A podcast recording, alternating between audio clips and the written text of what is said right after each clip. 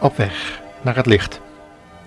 Een radioprogramma van de Stichting Adulam in Curaçao met een vervolgserie over drugs, drugsgebruikers en opvang van drugsgebruikers.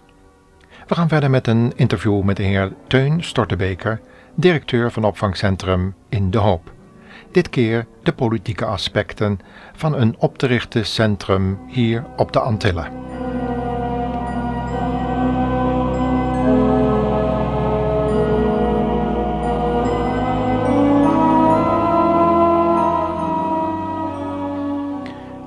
Voordat we met eh, de politieke aspecten ons bezighouden, laten we nog een meisje aan het woord, wat aan de lijve heeft ondervonden wat het betekent om drugsverslaafd te zijn.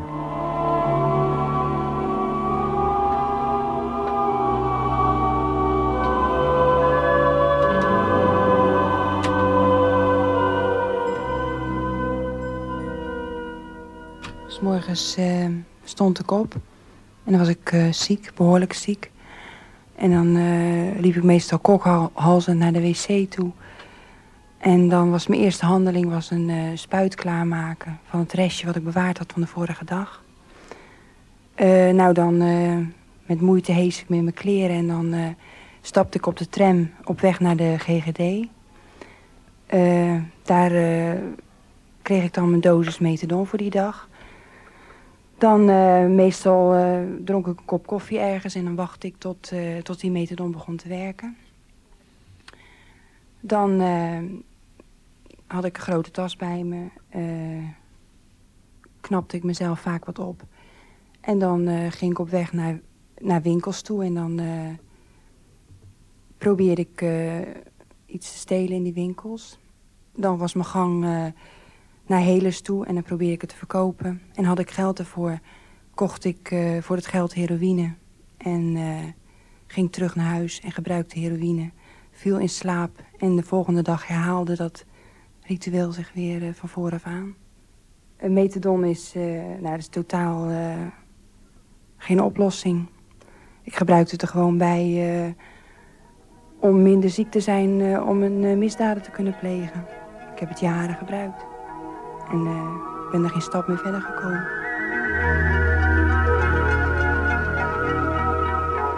Contacten met de overheid uh, zijn uh, erg goed, heb ik begrepen. En denkt u dat de overheid hier al bepaalde uitspraken zou kunnen doen over dat plan wat u in de laatste magazine naar voren heeft gebracht?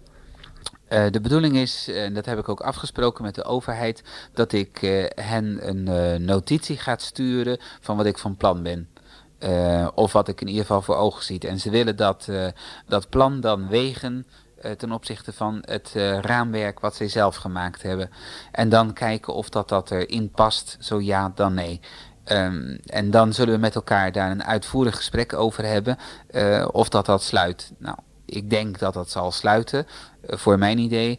Dan gaat het alleen om de invulling van dat project. En of dat zowel het eilandbestuur als het uh, landsbestuur daar zo uh, wat in ziet zitten. En ik hoop dat dat op korte termijn daar duidelijkheid in kan komen.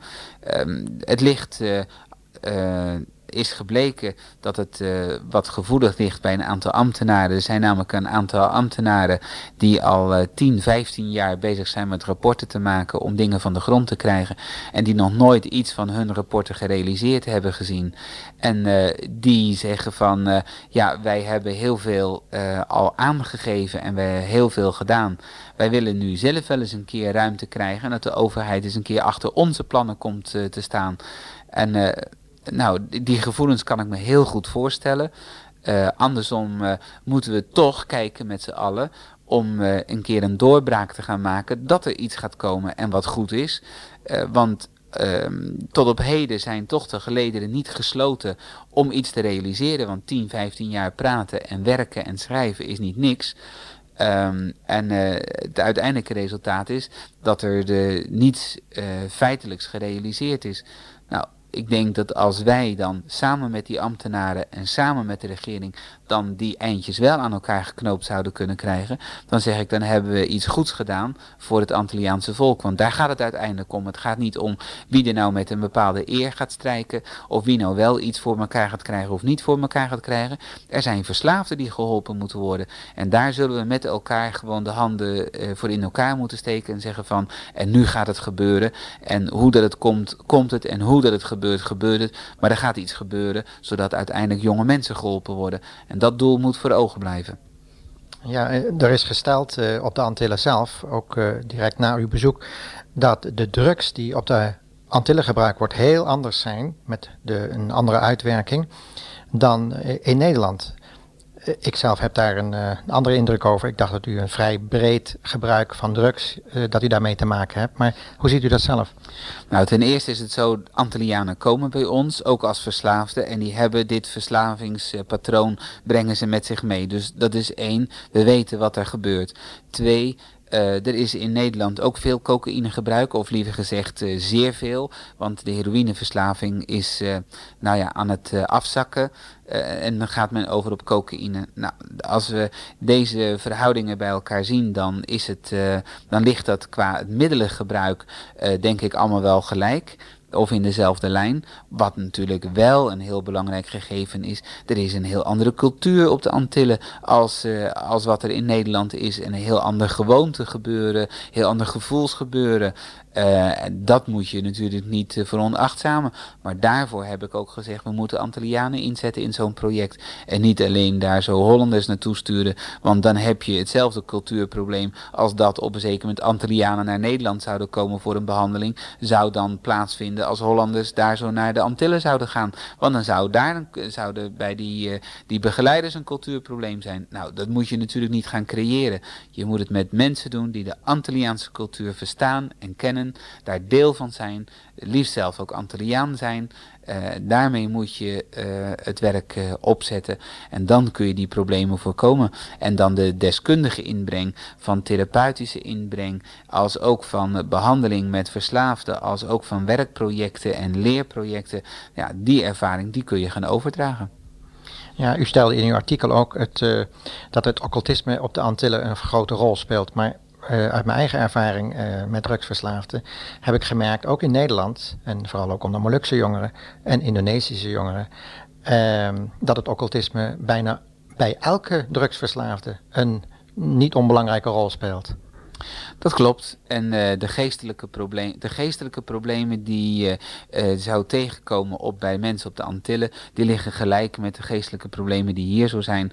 En daar heb je niet met cultuur te maken, daar heb je niet met achtergrond te maken of leefgewoonte te maken. Want een duiveltje is een duiveltje en die is in Nederland precies hetzelfde als op de Antillen.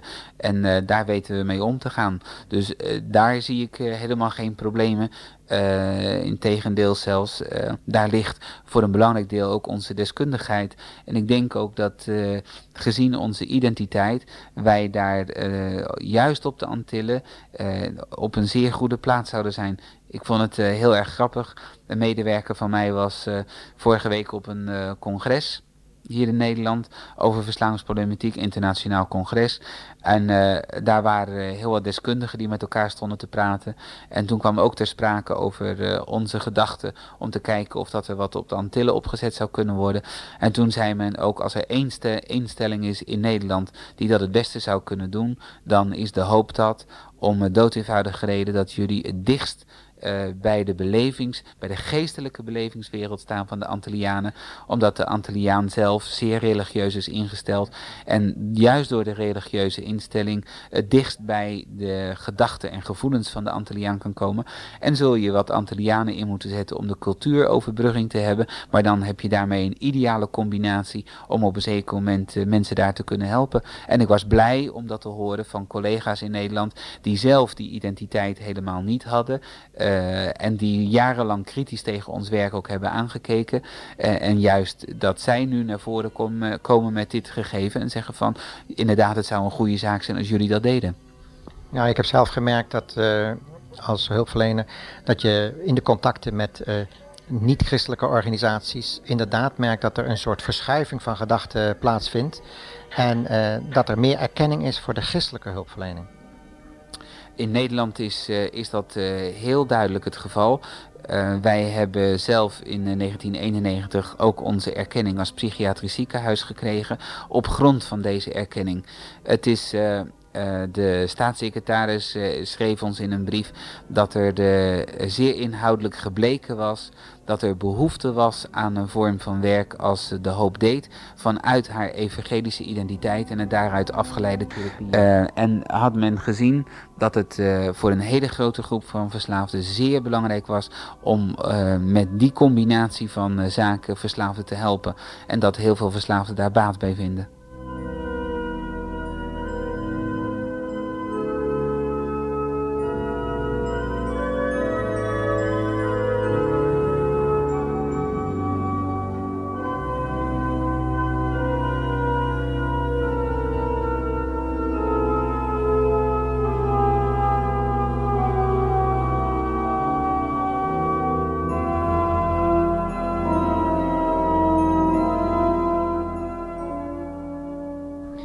U heeft een, uh, een speciaal rapport uh, laten verschijnen met als titel uh, Afkikken moet en geloven mag. Daar is onder evangelische christenen nogal wat reacties hier en daar gekomen. sommigen zeggen zelfs van het moet eigenlijk andersom. Maar hoe bent u tot die titel gekomen?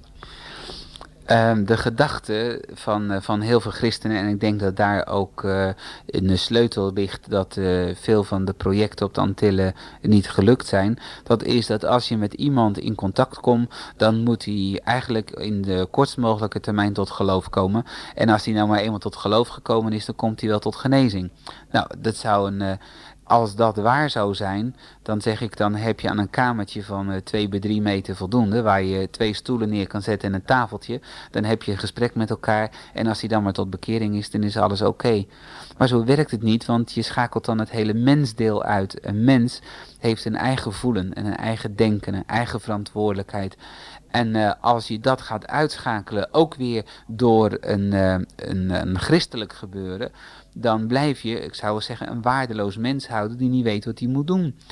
Uh, wij hebben daarom gezegd, en het is zeer zeker bij verslaafden zo, het gaat erom dat ze hun eigen verantwoordelijkheid opnieuw gaan zien. Dat ze uh, voelen wat ze voelen en is weten wat ze weten en dat al die dingen op een rij komen. En als dan op een zeker moment op basis van uh, nuchterheid, op basis van eigen inzicht, dat ze zeggen van ik weet niet hoe dat ik het leven moet leven. En zij zeggen dan van, uh, uh, kan het evangelie daar mij een hulp in zijn? Dan zeg ik van, daar, dan ben ik waar ik zijn wil. Want dan is er uh, eigen verantwoordelijkheid is opgebouwd, het eigen inzicht is opgebouwd. En dan komt het, ja, van waar zal mijn hulp komen om de dingen te doen die ik moet doen? Nou, en dan zeg ik, God is een helper, groot van kracht en groot van trouw, die ieder van ons de weg wil wijzen van hoe dat je dat moet doen, op basis van de verantwoordelijkheid die je als mens hebt. En vandaar dat we, uh, of eigenlijk niet eens wij, het was een journalist uh, van Elsevier die tot die uh, kreet kwam. Die zei, bij jullie is afkicken moet en geloven mag. En dat geloven mag, dat wil ik dan wel tussen aanhalingstekens zetten in de zin van mijn diepste wens is, maar dat is voor mij persoonlijk, dat uiteindelijk iedereen zover komt. Want dan heeft hij het werkelijke leven, ook op deze aarde, gevonden. Want de mens komt pas werkelijk tot zijn recht als, dat die, als die in harmonie in zijn schepper komt. Um, maar dat is voor mij mijn persoonlijke wens en het is mijn persoonlijk bidden uh, dat iemand zover komt. Maar ik heb er niets aan als ik dat iemand opleg die in, uh, eigenlijk in een positie van afhankelijkheid is. Hij komt in een opvangcentrum en dan uh, gaat hij maar geloven om dan de staf ter willen te zijn en een goed blaadje te komen staan.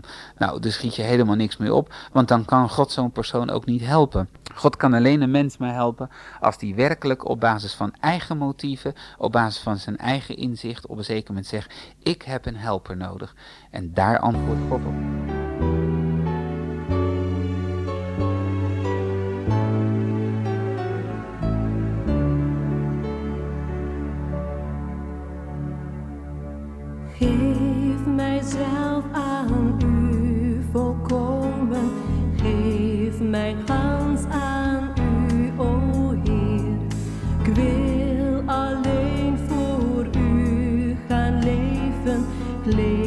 voortaan mijzelf niet meer. Geef mijzelf aan u. Neem mij heiland nu. Geef geheel aan u, dan over. Neem mij heiland nu. Dat is het antwoord veel problemen. Kunnen we wel zeggen, alle problemen, ook die van de drugsverslaafden. Tot een volgende keer over hetzelfde onderwerp.